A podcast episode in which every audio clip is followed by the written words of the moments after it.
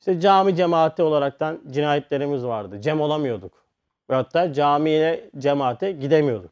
Cenab-ı Hak ne yaptı? Bu cinayetin neticesinde bize ne faturayı kesti? Şu anda biz camilerimizden uzak kaldık. Sonra sohbet yerlerimizde haftada bir gün bir saat. Anca yani hobi.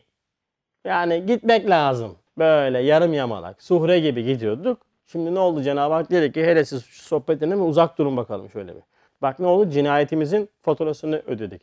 Bakın bunların hepsi bizim cinayetlerimizin neticesinde korona vasıtasıyla bize verilen derslerdir.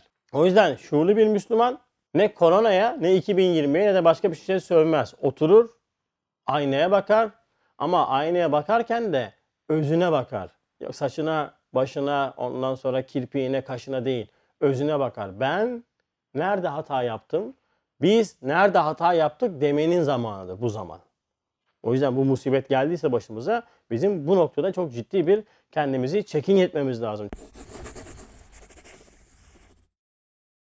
Euzubillahimineşşeytanirracim. Bismillahirrahmanirrahim. Elhamdülillahi Rabbil alemin. Salatu ve selamu ala Resulina Muhammedin ve ala alihi ve sahbihi ecmain.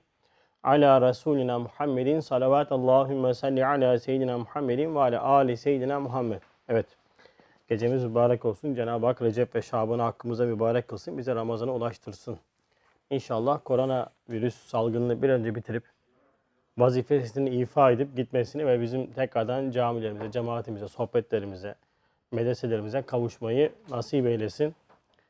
Evet, koronavirüs salgını vesilesiyle başımıza gelen hastalık, musibet, sıkıntılar içerisindeki hikmet, adalet ve rahmet yönlerini görmek ve böyle zamanlarda mümince bir tavır ve davranış sergilemek adına bu asrın Kur'an tefsiri olan Lisanur eserlerinden yaptığımız çalışmalara devam ediyoruz. Bugün toplama bir ders yapacağız. Yani bugünkü dersimizin ana konusu Bakara suresi 156. ayet. Onların başlarına bir musibet geldiğinde onlar der ki biz Allah'tan geldik yine dönüş onadır. Ayet-i kerimesinin perspektifinde musibet konusunu ele alacağız. Yani şu ana kadar işlediğimiz konuların bir nevi bir toplaması ve bu Risale-i eserlerinin genel 13 cilt var. Onun içerisinden seçilmiş bazı cümlelerle konuyu anlamaya çalışacağız. Amacımız bu Kur'an-ı Kerim'in bu ayetlerinde ifade edilen ondan geldik yine dönüş onadır manasının ne anlama geldiğini öğrenmek. Yani vahiye muhatap olmak için uğraşıyoruz. Risale-i Nur aracıyla. Evet konumuz musibet. Musibet, isabet edilen manasına geliyor ve burada önemli bir nokta var. İsabet etmişse bir şey ne vardır? Nişan alan vardır. Bunu unutmayacağız. Yani bir şey gelmişse başımıza bir musibet, bu musibeti bize bizi noktayı merkeze alıp nişan alan bir zat tarafından gönderiliyor. Yani kendi başına, tesadüf değil. Yani daha önceki derste ifade ettiğimiz gibi bakın unutmayacağız bunu. Tesadüf değil, tasarruf. Tasarrufu göremediğimiz her şeyi tesadüfe, sebeplere veyahut da kendi kendine oldulara vermek mecburiyetindeyiz. Ama Cenab-ı Hakk'ın ilmi muhitinden, irade-i muhitinden yani her şeyi kaplayan iradesinden, ilminden, tasarrufundan hariç hiçbir şey olmaz. Bu manayı ifade için Kur'an-ı Kerim onun izni olmadan yaprak bile kılınamaz diyor. Yani bize neyi ifade ediyor? Varlık alemindeki bizim görebildiğimiz en küçük bir varlık olan nedir işte? Ağaçların yaprakları. O ağaçların yaprakları bile böyle sallanıyorsa sağa sola oradaki sallanışın bile bir irade tarafından tercih edildiğinin bir Halik tarafından yaratıldığının farkına varmamız lazım ki başıma gelen hadiseler, musibetler, sıkıntılar, hastalıklar içerisinde de Cenab-ı Hakk'ın ben neyini göreyim? Tasarrufunu göreyim. Eğer tasarrufu göremezsem o işi tesadüfe, sebeplere veyahut da kendi kendine oldulara vermeye mahkum kalacağım. O yüzden yapmam gereken şey musibet zamanında, sıkıntılar, hastalıklar zamanında bunun bana nereden geldiğini bilmek ve ne için gönderildiğinin farkına varmaktır. Yani o hadisenin içeriğini Kur'an gözlüğüyle, sünnet-i seniye adabıyla ne yapmamız lazım? Okumamız lazım. Öncelikle musibet noktasında bir giriş cümlesiyle başlayalım ve bu cümle Efendimiz Aleyhisselatü Vesselam'ın belki de bir hadis-i şerifinin tevhili, bir yorumu hükmündedir. Yani Efendimiz Aleyhisselatü Vesselam ne buyuruyor? La rahati fit dünya. Ne demek? Bu dünyada rahat yok. Şimdi bu dünyada rahat yok ne demek? Üstad bunu lemalarda bu konuyu işlemiştik. Diyor ki şu dağrı dünya meydanı imtihandır. Bu dağrı dünya meydanı imtihandır. Bir. Dağrı hizmettir. İki. Yani bu dünya hayatı neymiş? Bir imtihan meydanıymış ve hizmet diyarıymış. Hemen ardından devam ediyor. Lezzet ve ücret ve mükafat yeri değildir. Evet. İşte dünyanın şu mahiyetini anlayamazsak o zaman başımıza gelen hastalıklar, musibetler, sıkıntılar içerisinde bu dünya hayatında çok ciddi bir sıkıntı yaşamaya başlarız. Ve unutmayacağız. Bileceğiz ki şu dünya hayatında Cenab-ı Hak beni bir şeylerle imtihan ediyor. Beni bir şeylerle imtihan edecek. Bana bir şeylerle bazı manaları anlatacak, ders verecek. Hiçbir zaman bu dünyada yan gel yat Osman bir dönüm bostan hayatı yaşamayacağız. Fakat bu imtihanlar, musibetler, sıkıntıların hepsinin daha önceki derslerde ifade ettiğimiz manayı unutmayalım. Cenab-ı Hakk'ın beni yalnızca sınaması, denemesi değil, benim yaratılış noktasında, yaratılış gayemi beni ulaştıracak öğretiler olarak algılamamız lazım. Yani Cenab-ı Hak musibetlerle, hastalıklarla, sıkıntılarla beni deneme noktasını evet biliyoruz ama bu bilgi bizi rahatlatmıyor bu dünyada. İkinci adım lazım bize. Yani nedir? Musibet, hastalık, sıkıntılar da bana bu dünyada Cenab-ı Hak bir şeyleri öğretiyor. Bir şeyleri ders veriyor. Bir manaları ifade ediyor. Ama ve lakin evet zahiri sıkıntı, zahiri çirkin görülen şeyler içerisinde bana çok önemli mesajları vermişti ki 25. lemayı hastalar risalesinde bu konuda işlemiştik. Yani ne yapmam lazım? Ben musibet, sıkıntı, hastalık zamanlarında bileceğim ki bunun oflama, puflaması olmayacak. Ben bu dünya hayatında bir şeylerle bir öğrenime tabi tutulacağım. Her zaman bizim işimizin rahat gideceği ve hatta e, hayatımızın rahat gideceği bir dünya hayatı beklememek lazım. Çünkü bu dünya içerisinde Cenab-ı Hak ne yapmış? Kimseyi hani böyle rahat bir hayat yaşatmamış. Çünkü bu dünya rahat yeri değil. Bu dünyada bazı açılımları yapmamız için bizdeki insaniyetimiz içerisinde derc edilen ve bizi sair melaikeden, şeytandan ayrı tutan bir yönümüz bizdeki bazı istidatların ortaya çıkmasıyla vücuda gelecek. Yani benim melaikeden üstün tutan şey nedir? Melaike ibadetle mükelleftir. Onların alternatifi yoktur. Fakat insan hem şükredebilir hem şekva edebilir. Şeytanın ne hususiyeti var? Şeytanlar yalnızca şerre kabiliyeti vardır. Hayır yapamazlar. Melaikenin yalnızca hayra kabiliyeti var. Şer yapamaz. Şimdi öyle bir varlık yaratmış ki Cenab-ı Hak insan olarak beni hem şerre hem hayra kabiliyetim var. Yani ben hayır dediğim mana vücuda gelen hadiseler içerisindeki o esma ilahi okuyaraktan yapmış olduğum terakkiyle ben ne yapıyorum? Melaikeyi bile geçebiliyorum. Ama bu manaları okumazsam isyanla, küfürle, tuğyanla, günahla şeytanı bile geride bırakabiliyorum. İnsanın mahiyeti bu. O yüzden bileceğim ki bu dünya hayatında rahat ve lezzet aramak yani mutlak manada hiçbir sıkıntısı şekilde bir hayat geçireceğini zannetmek muhali talep etmektir. Olmayacak bir şey talep etmektir. O yüzden bu dünya hayatında musibet, hastalık, sıkıntılarla biz bir şekilde imtihan edileceğiz. Bu dünya hayatında bunlarla bize bazı mesajlar verilecek ve ben insaniyetimi bu hadiselerle ortaya çıkartacağım. Fakat şimdi musibet ve sıkıntı hastalık zamanında yapamadığımız bir nokta var. Nedir o? Diyor ki musibet cinayetin neticesi, mükafatın mukaddemesidir. Şimdi iki nokta var. Bir, başıma hastalık geldi, sıkıntı geldi, musibet geldi. Bu neden? Bir cinayetin neticesidir. Yani yaptığımız bazı şeyler yüzünden bize geliyor bunlar. Ayet-i Kerime zaten ifade Cenab-ı Hak değil mi? Başınıza gelen her türlü sıkıntılar sizin nefsinizdendir. Cenab-ı Hak birçoğunu affeder. Cenab-ı Hak birçoğunu affediyor. Bazı şeyleri yaptığımızdan dolayı, bazı cinayetleri işlediğimizden dolayı Cenab-ı Hak bize ne yapıyor? Musibeti veriyor. Sıkıntıyı veriyor. Fakat sırf burasını görünce insanın psikolojisi bozulabilir. Yani haşa ve haşa sanki bu dünyada böyle kamçıyla itaat ettirilmek istenen bir varlık haline gelir insan. Ama ne diyor hemen akabinde? Mükafatın da mukaddemesidir. Diğer taraftan da mükafat yönü var. Sana bir şey yapılıyor, bir ceza kesilmiş fakat aynı zamanda bir mükafatın var. Peki ne yapmam lazım? Hastalıklar, musibetler, sıkıntılar kişinin manevi çekin e, vesilesidir. Mesela hastanelere gidiyorsunuz, check-up yapılıyor değil mi? Ne demek check-up? Bütün vücudun taraması. Giriyorsun akciğer, karaciğer, kolesterol, şeker, tansiyon, ondan sonra işte bütün hayati insanın yaşam noktasındaki önem arz eden bütün organların taraması yapılır. Değil mi? Sana rapor çıkar. Der ki akciğerlerin temiz, karaciğerde yağlama var, işte şekerin var, tansiyonun var, kolesterolün sınıra yaklaşmış, o bu falan filan sana rapor çıktı. İşte ne derler? 6 ayda bir, en azından senede bir böyle bir check-up yapmak lazım. Musibetler, hastalıklar, sıkıntılar da işte insanın maneviyat noktasında check-up zamanıdır. İnsan ne yapacak? Bütün maneviyatını bir çekinden geçirecek. Ve diyecek ki hangi fiilinle kadere fetva verdim ki bu musibete hükmetti?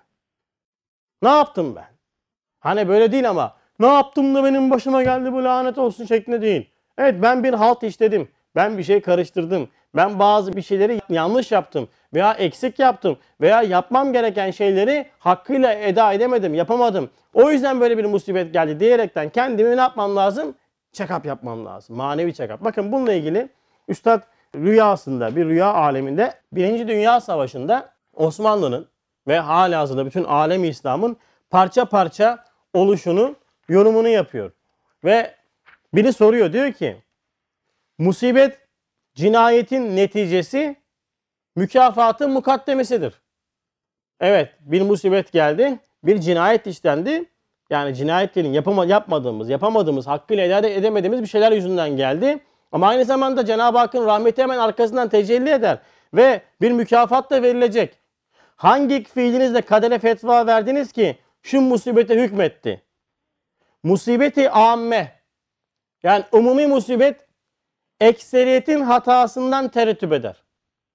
Şu anda koronavirüs umumi musibet mi? Bu senin benim değil. Umum olarak biz ülke olarak, insanlık olarak bir fatura ödüyoruz şu anda. Umumun hatasından kaynaklı bir fatura ödeniyor şu anda.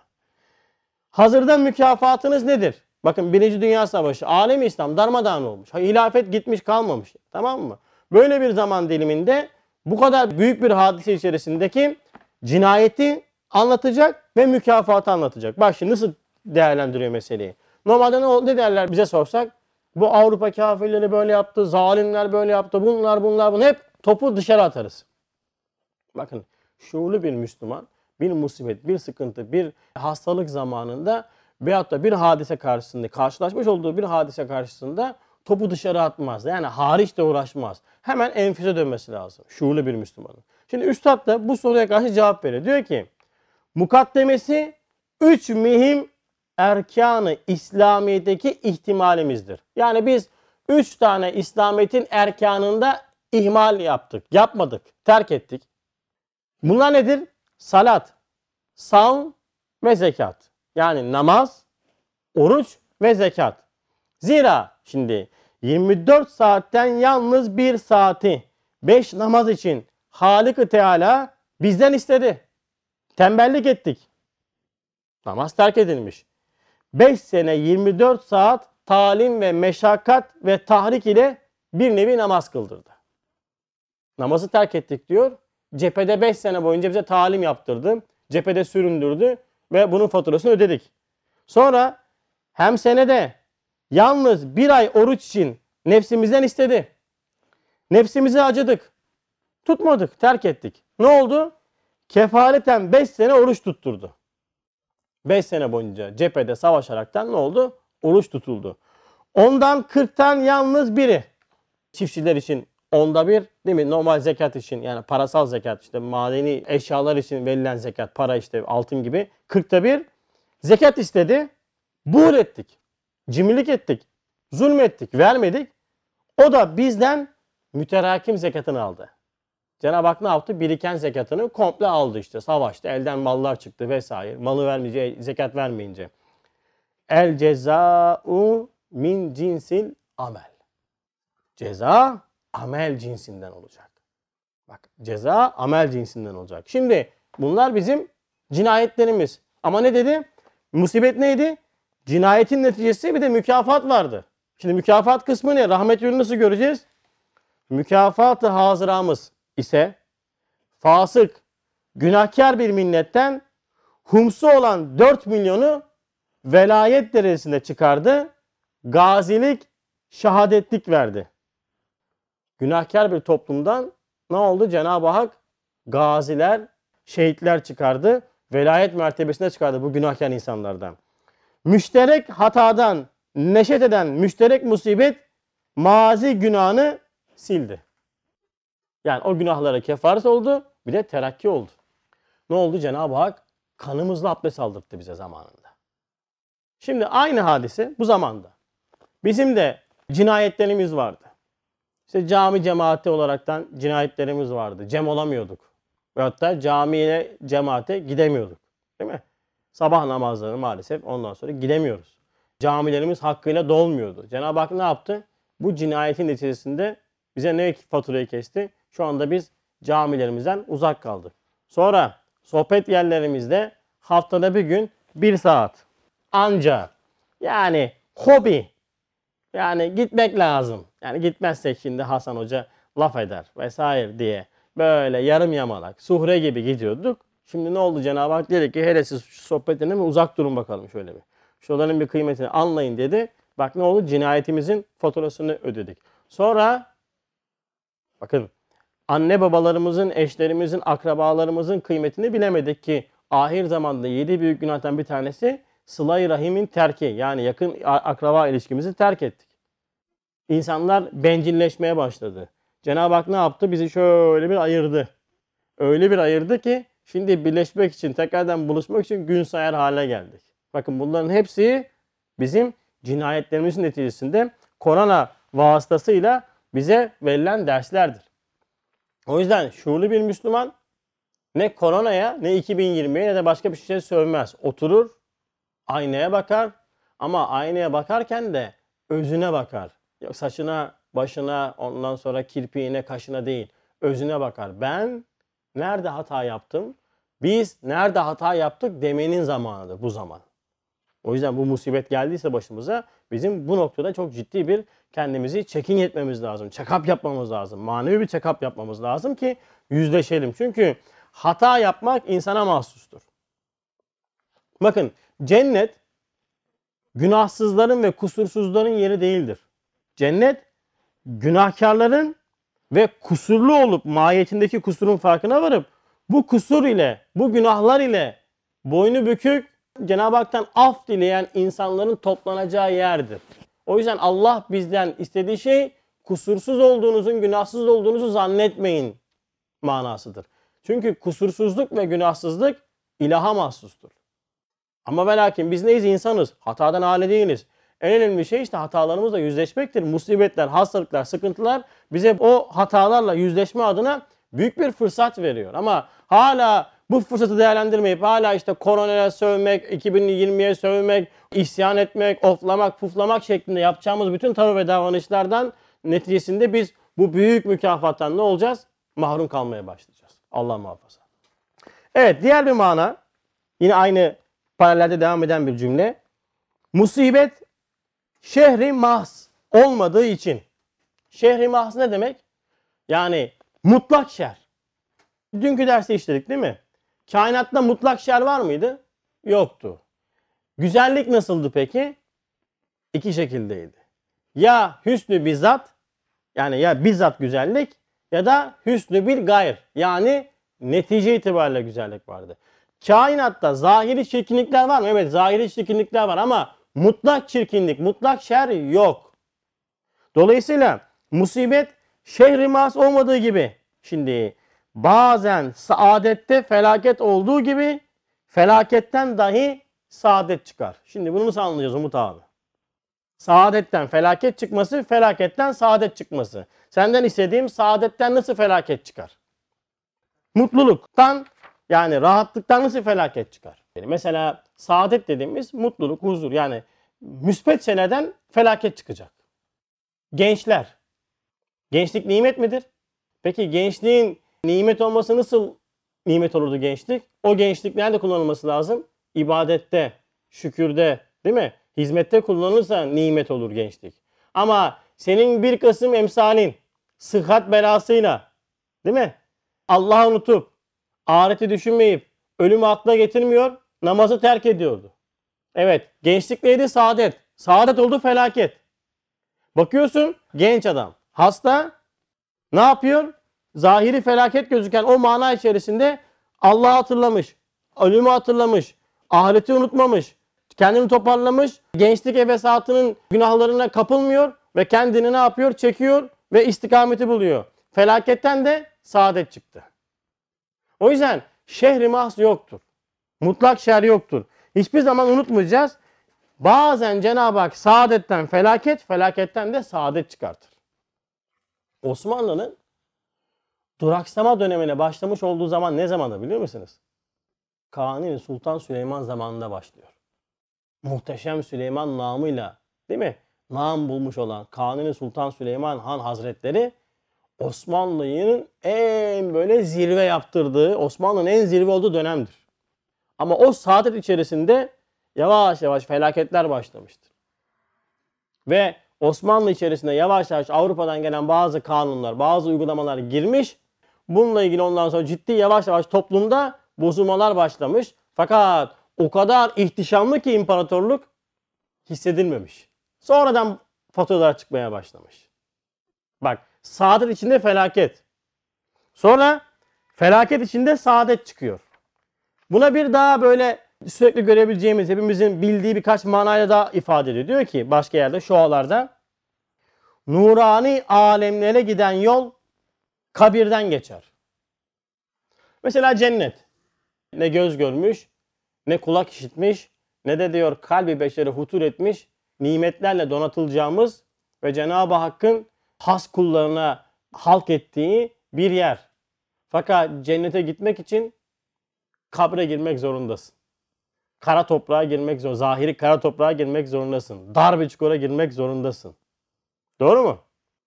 Nurani alemlere giden yol kabirden geçer. Bak şimdi. Ve en büyük saadetler büyük ve acı felaketlerin neticesidir. Cenab-ı Hak bu dünya hayatında bazen insanı dip yaptırır.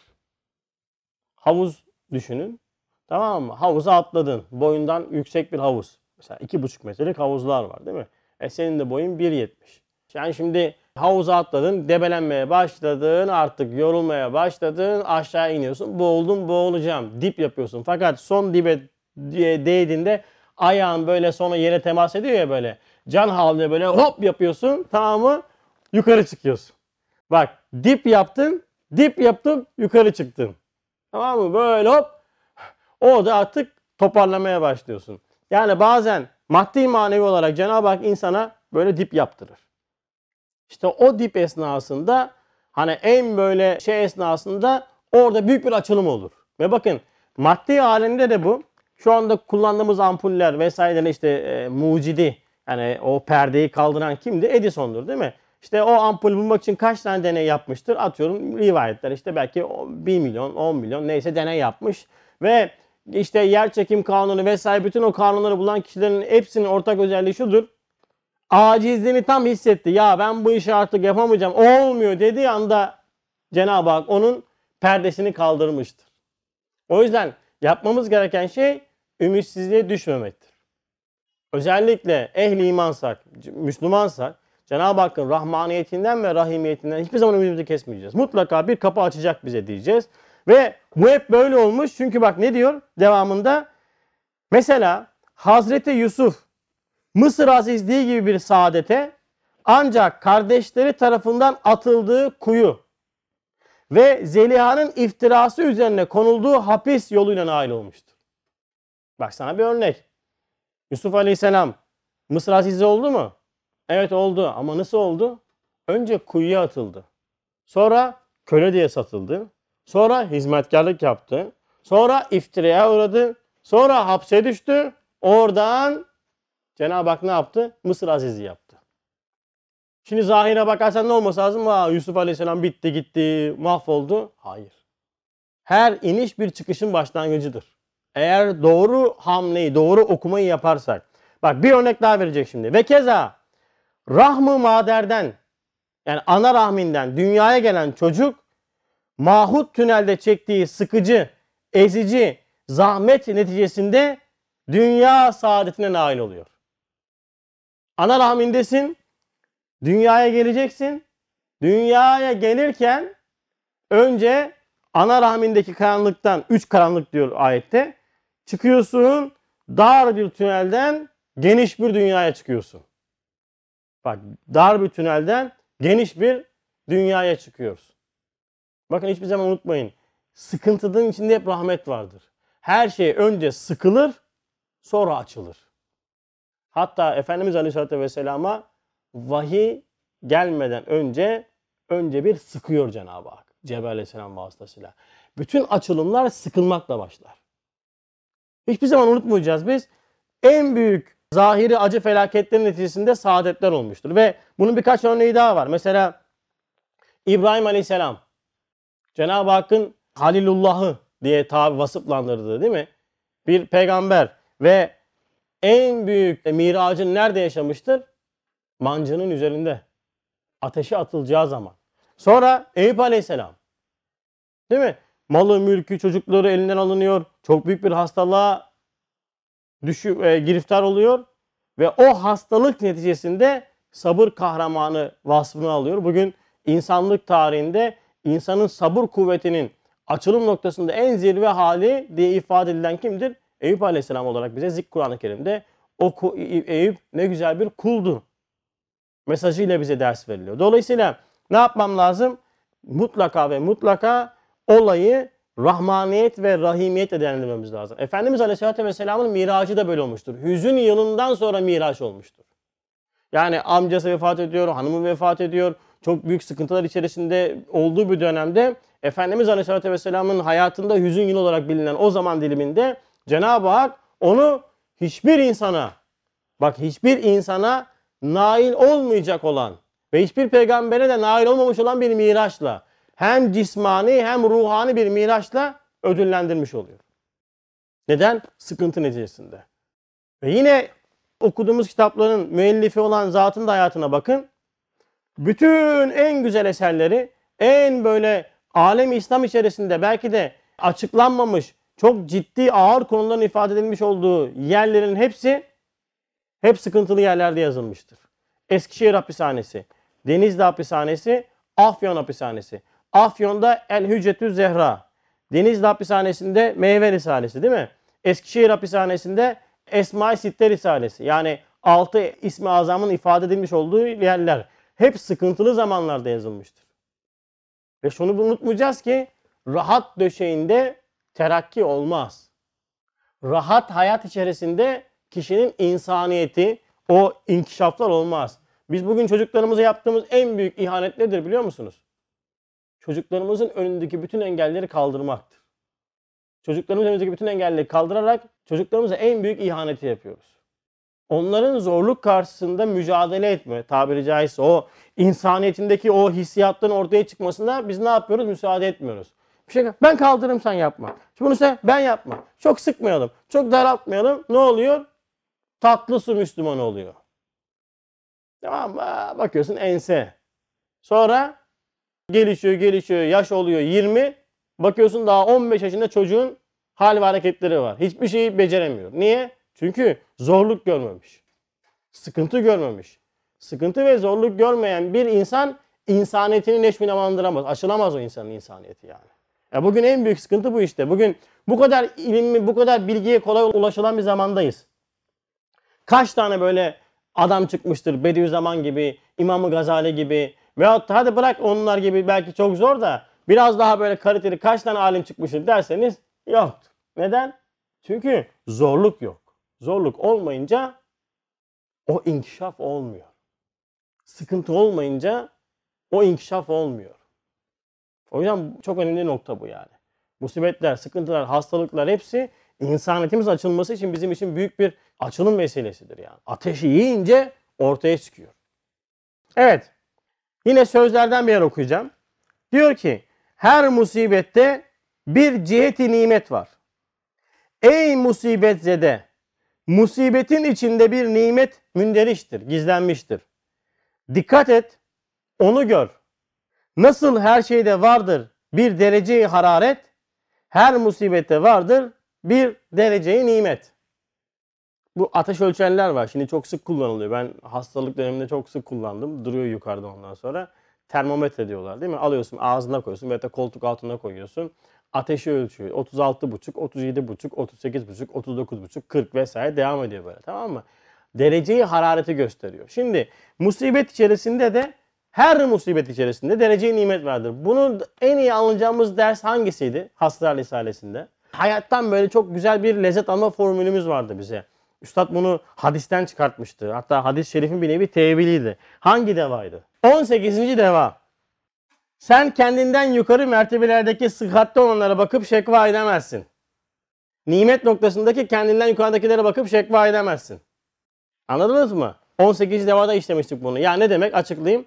Bir insan bu dünyada musibetler noktasında başına gelen hadiseler, sıkıntılar, musibetler içerisinde her daim elhamdülillah diyebilecek bir yer vardır. Nasıl yapacak peki bunu? Musibet noktasında kendisinden yukarıdakilere bakacak. Bir elin yoksa iki el olmayana bak demiştik. Bir gözün yoksa iki gözü olmayana bak. Anladınız mı? Sen öksürüyorsun ama ateşi olanlara bak.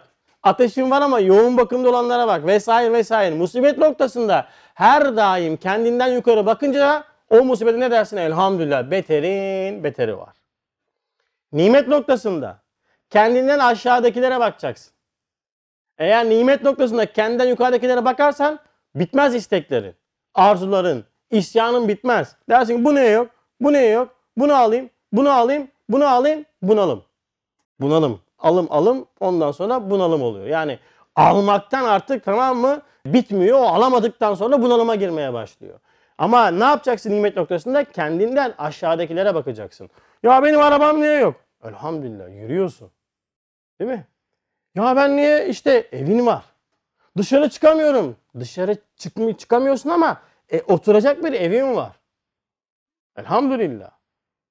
Yani nimet noktasında kendimizden aşağı bakınca hep şükrederiz. Musibet noktasında da kendimizden yukarı bakınca hep şükrederiz. Bu hayattan lezzet alma formülüydü. Bugün buna çok ihtiyaç var yani. O yüzden her musibette bir dereceyi ne vardı? E, dereceyi gösteren nasıl termometre dereceyi gösteriyorsa her musibete senin bakış açına göre şükredecek mutlaka bir nokta vardır. Yeter ki bakmasını bil. Yeter ki olayı doğru oku. İkra. Oku. Seni yaratan Rabbinin adıyla oku. Olayı oku yani. Evet. Şimdi bazen musibet geliyor, sıkıntı geliyor, hastalık geliyor ve bu hastalık, sıkıntı, musibet içerisinde biz ki manayı okuyamıyoruz. Hani mesela bir şey yapmadım. Baş bir şey yapmadım ama benim başıma bir şey geldi. Değil mi? Mesela bir olay oluyor, bir hadise oluyor ve sen ben o hadiseyi düşünüyorum acaba niye benim başıma geldi? Bakıyorum ki son zamanlarda, son dönemlerde yaptığım bir şey yok. Hani çok şey var da hani şimdi bakın bize çok böyle her musibete karşı bize her günah karşı bir şey verilmez bize. Çünkü potansiyelimiz yetmez buna yani. Oho öyle ufak tefek günahlarla Cenab-ı Hak musibet mesela bu dünyada bize var ya taş yağması lazım bize. Ya. Ama Cenab-ı Hak biz ne yapıyor? Tatlı su, ahir zaman bir Bunları fazla kurcalamaya gerek yok yani tabiri caizse. Öyle çok büyük işler karıştırınca bize bir şeyler gelmeye başlıyor ama bazen oğlunu bile göremiyorsun. Ne yapman lazım? Bak şimdi diyor ki ceza bir kusurun neticesidir. Fakat bazen o kusur işlenmemiş başka kusurun suretinde kendini gösterir. Başına bir şey geldi sen hiçbir şey yapmamışsın. O meseleyle ilgili ama aslında o meselede yapılan o muamele senin geçmişte yapmış olduğun bir muamelenin neticesi. Bak şimdi bir örnek verecek. O adam masum iken cezaya müstahak olur. Allah musibeti verir, hapse atar, adalet eder. Ben mahkemeye düştüm. Bir sebepten dolayı. Zahir hiçbir günahım yok, kusurum yok. Mahkemeye düştüm. Allah beni mahkemeye düşürdü ve ben ceza yedim. Ama benim o hale hiçbir şekilde şu günahım yok, hatam yok. Ne oldu peki? Hakim ona bana ceza verdi. Hakim bana zulmetti. Ama kader adalet etti. Evet ben o olayla ilgili bir şey yapmamıştım ama falanca zamanda yapmış olduğum bir dosyam vardı. Dosya açıkta duruyordu. Ada İlahi Adalet Bakanlığı'nda açık bir dosyam var. O dosya kapanmak zorunda. O dosyanın kapanması için hakim sana zulmetti. Peki hakimin günahı yok mu? Merak etme. Her firavunun bir Musa'sı vardır. Bakın bunu unutmayın. Sana firavunluk yapıldı mı? Sen bir firavunluk yaptın. Şimdi sana bir tane Cenab-ı Musa'yı gönderdi. Ve sana adalet etti. Ama Sana Musalık yapanın kendisi de Firavun. Merak etme ona da Musa gelecek. Zalimler yeryüzünde Cenab-ı Hakk'ın kılıncıdır. Cenab-ı Hak onlarla adalet eder. Ne olacak sonra peki ama? Sonra döner, kılıcı da kırar. Önce seninle bir adalet eder. Hiçbir suçun yoktur zahirde ama geçmişte birisinin malını yemişindir. Birisinin gıybetini yapmışındır. Birisine düşmanlık yapmışındır. Ya bir şey yapmamışındır. Yapman gereken bazı şeyleri yapmamışındır. Terk etmişindir. Tabi bunlar da var. Mesela hizmet dairesi içerisinde. Tamam mı? Mesela hizmeti terk etmek. Hizmet imaneye ve Kur'an'eye üzerine düşen vazifeyi yapmamak. Bunlar hep şefkat tokadının neticesi. Sana bir şey gelir. Sen bir şey imtihan edilirsin. Sen hizmeti ne için bırakmışsan o şey senin başına bela olur. Ben hep söylerim bunu yani. Hizmeti hanımın için mi terk ediyorsun kardeşim? Merak etme hanım başına bela olur senin. İş için mi terk ediyorsun sen? Tamam iş senin başına bela olur. Önce şefkat tokadı yersin. Anlamazsan sonra zecir tokadı gelir. Zecir tokadı çok şiddetlidir böyle. Vurdu mu daha da sen dairenin D'sine yaklaşamazsın. Yani. Allah muhafaza eylesin. Şefkat tokadı gene rahmetindendir. Uyarır, ikaz eder. Hani çocuğu döversin ya böyle şefkatinde uyarırsın, ikaz edersin. Aynı onun gibi Cenab-ı Hak ne yapar? Şefkat tokadını vurur. Ama bazen durur durur böyle bir çakar tokadı tabiri caizse daha sen var ya yani bir daha da daireye yaklaşma imkanın olmaz. O yüzden başıma gelen her hadise mutlaka benim ama o zaman ama geçmişte yapmış olduğum bir hatanın neticesinden dolayı oldu.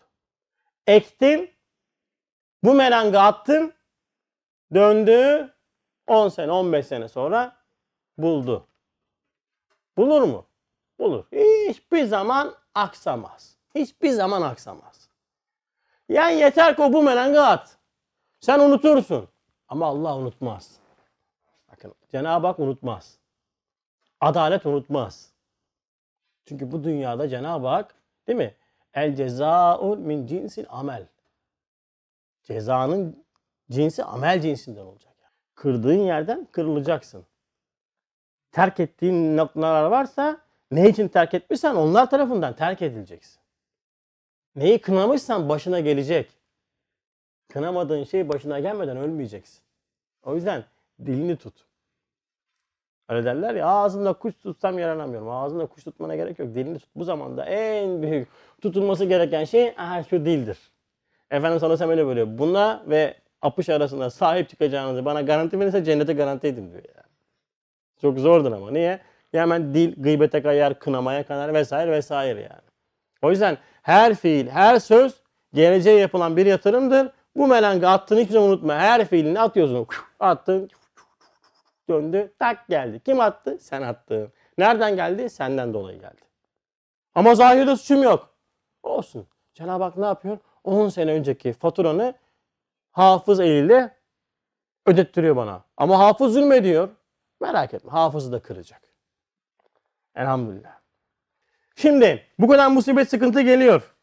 Şimdi ben eğer marifetullah çalışmalarımı bu okumuş olduğumuz eserlerde ifade edilen imanı tahkiki çalışmalarını hakkıyla yerine getirirsem, güzel şekilde vazifemi, insanetimi inkişaf ettirirsem, hadiseyi okumakta ki e, bakış açımı bencelerden kurtarırsam, yani iman gözlüğümü temizlersem, her şeydeki güzelliğin rahmet açısını görürsem bu sefer musibetler, sıkıntılar, hastalıkların hepsi bana ne gibi gelmeye başlayacak? Musiki gibi gelmeye başlayacak. Diyor ki bak şimdi Divan-ı Harbi Örfi'de yani üstadın idamla yargılanmış olduğu bir mahkemede. Bakın mahkeme idamla yargılanıyor. Yani kaç tane alimin asılmış olduğu bir yerde üstad ondan sonra diyor ki musibetlerin tenevvü, çeşitliliği, hapse giriyorum, hapse atılıyorum, zehirleniyorum vesaireler oluyor. Bunların hepsinin tenevvü, çeşitliliği musikinin namelerinin tenevvü gibi bana geliyordu. Musikide nameler vardır. Mesela bilmiyorum hiç kullandınız mı müzik aleti de ben ork morg zamanında ufakken birkaç kere tıngırdatmıştım ondan sonra. Şimdi piyanoda tuşlar vardır. Mesela do kalındı değil mi? Dom, dom. Ve hatta biraz daha anlayacağınız bir örnek benim. Ee, böyle büyük şeyler vardı. Mesela orkestralar vardır. Ama çok büyük orkestra düşün mesela. Senfoni orkestrası. Mesela orada bir sürü çalgı aleti vardır. Davul vardır. Ark vardır. Kanun vardır. Ney vardır. Flüt vardır. Ondan sonra işte bu zil vardır. Tamam mı? Tef vardır vesaire vesaire. Her çalgı aletinin kendine ait bir ses tonu vardır. Şimdi sen arkada da git çal. Böyle büyük gitarımsı şey var ya böyle. Allah dersin gel lan sese bak nereden çıkardın bu sesi. Sonra dedin ki zilye iki tane vuruyorlar böyle zil. Çal. Çing çing çay. Allah kulakların darmadağın oldu lan. Kap ders sus. Kardeşim böyle tek tek dinlersen senfoniden mana çıkartamazsın. Ne yapacaksın? Notaları koyuyorlar değil mi önüne? Notaları koyuyorlar herkes bakıyor. Hı, burada ben zil çalacağım, orada davul çalacak, orada ark çalacak, burada gitar çalacak, burada işte e, bas gitar çalacak, burada ney çalacak, burada keman çalacak. Adamlar şimdi o notalara göre başlıyor ondan sonra çalmaya. Lan bir dinliyorsun. Demin böyle yapıyordun ya şimdi ah, vay be değil mi? Dum dum dum dum dın dın dın dum dum dum dum dum dum dum dum dum dum dum dum Mehter marşına gidiyor. Dang dang dang. Ee, böyle insan hoşuna gidiyor değil mi? Bak ne oldu? Musikinin tenevvüğü. Peki nasıl oldu bu? İntizam içerisinde oldu. Yani bütün ondan sonra aletler bir intizam içerisinde çalmaya başlayınca ortaya muhteşem bir ses düzeni çıktı ve lezzet vermeye başladı. Şimdi ben de benim başıma gelen hadiseleri, musibetleri, sıkıntıları değerlendirirken bunların hepsinin bir nota içerisinde benim başıma geldiğini, bir intizam içerisinde benim başıma geldiğini farkına vardığımda ve bu sesleri böyle birleştirdiğimde tek tek değil, korona korona, korona korona değil, bütün, bütünlük içerisinde, şerri mahs olarak değil, netice itibariyle güzellik olacağını farkına olup içerisindeki hikmeti, adaleti, rahmet yönünü gördüğümde, olayı bütünsellik içerisinde değerlendirdiğimde, imanı tahkiki nuruyla ve gözüyle her şeyin içerisinde var olan Cenab-ı Hakk'ın rahmetinin izini, özünü, yüzünü, hikmetini ve cemal adaletini müşahede edip ondan sonra oradan çıkan sesi dinlemeye başladığımda ne oluyor? Ne dedi bak? Musikinin, namelerin tenevvü gibi gelmeye başlayacak. Dinlersin. Lütfu, kahrı, lütuf, güzel çalgılar.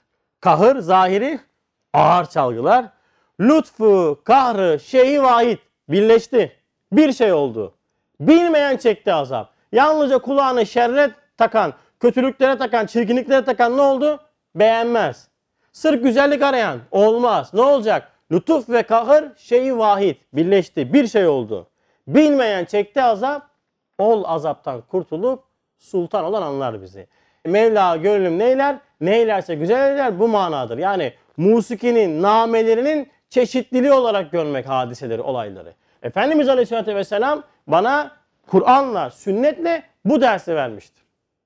Bu dersi vermiştir ve Üstad bu asırda, bu zamanda en son asrımızda bu eserleri neşreden ki sırf Allah dediği için, peygamber dediği için, iman dediği için hapse atılan 18 kez zehirlenmiş olan bir zatın okuyun 13. şu an mektuplarını, hapishane mektuplarını. Bakın ben hapishane diyorum, Üstad burada diyor ki medrese-i Yusufiye diyor.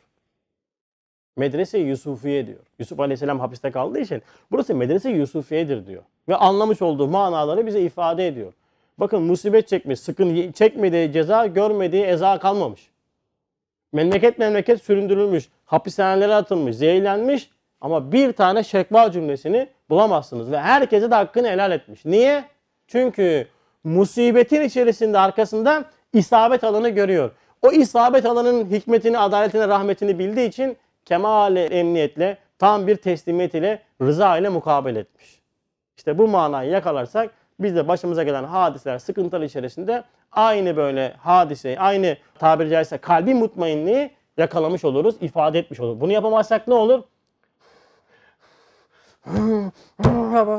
yaparsın isyan, küfür ve dersin ki ya oluyor işte bir şeyler ama hayırlısı bakalım ya işte. Yani böyle de şimdi bir şey diyemiyoruz yani çarpılırız yani. Deseydin keşke kussaydın yani içindekini ki. Böyle mi olması lazım yani? Kalbi mutmainlik içerisinde. Elhamdülillah böyle olması lazım diyebilmek lazım. Allah böyle diyebilmeyi hepimize nasip eylesin. Cenab-ı Hak istifademizi ziyadeleştirsin. Subhaneke la ilme lena illa ma lemtena. İnneke entel alimul hakim ve ahiru davahum. Elhamdülillahi Rabbil alemin. El Fatiha.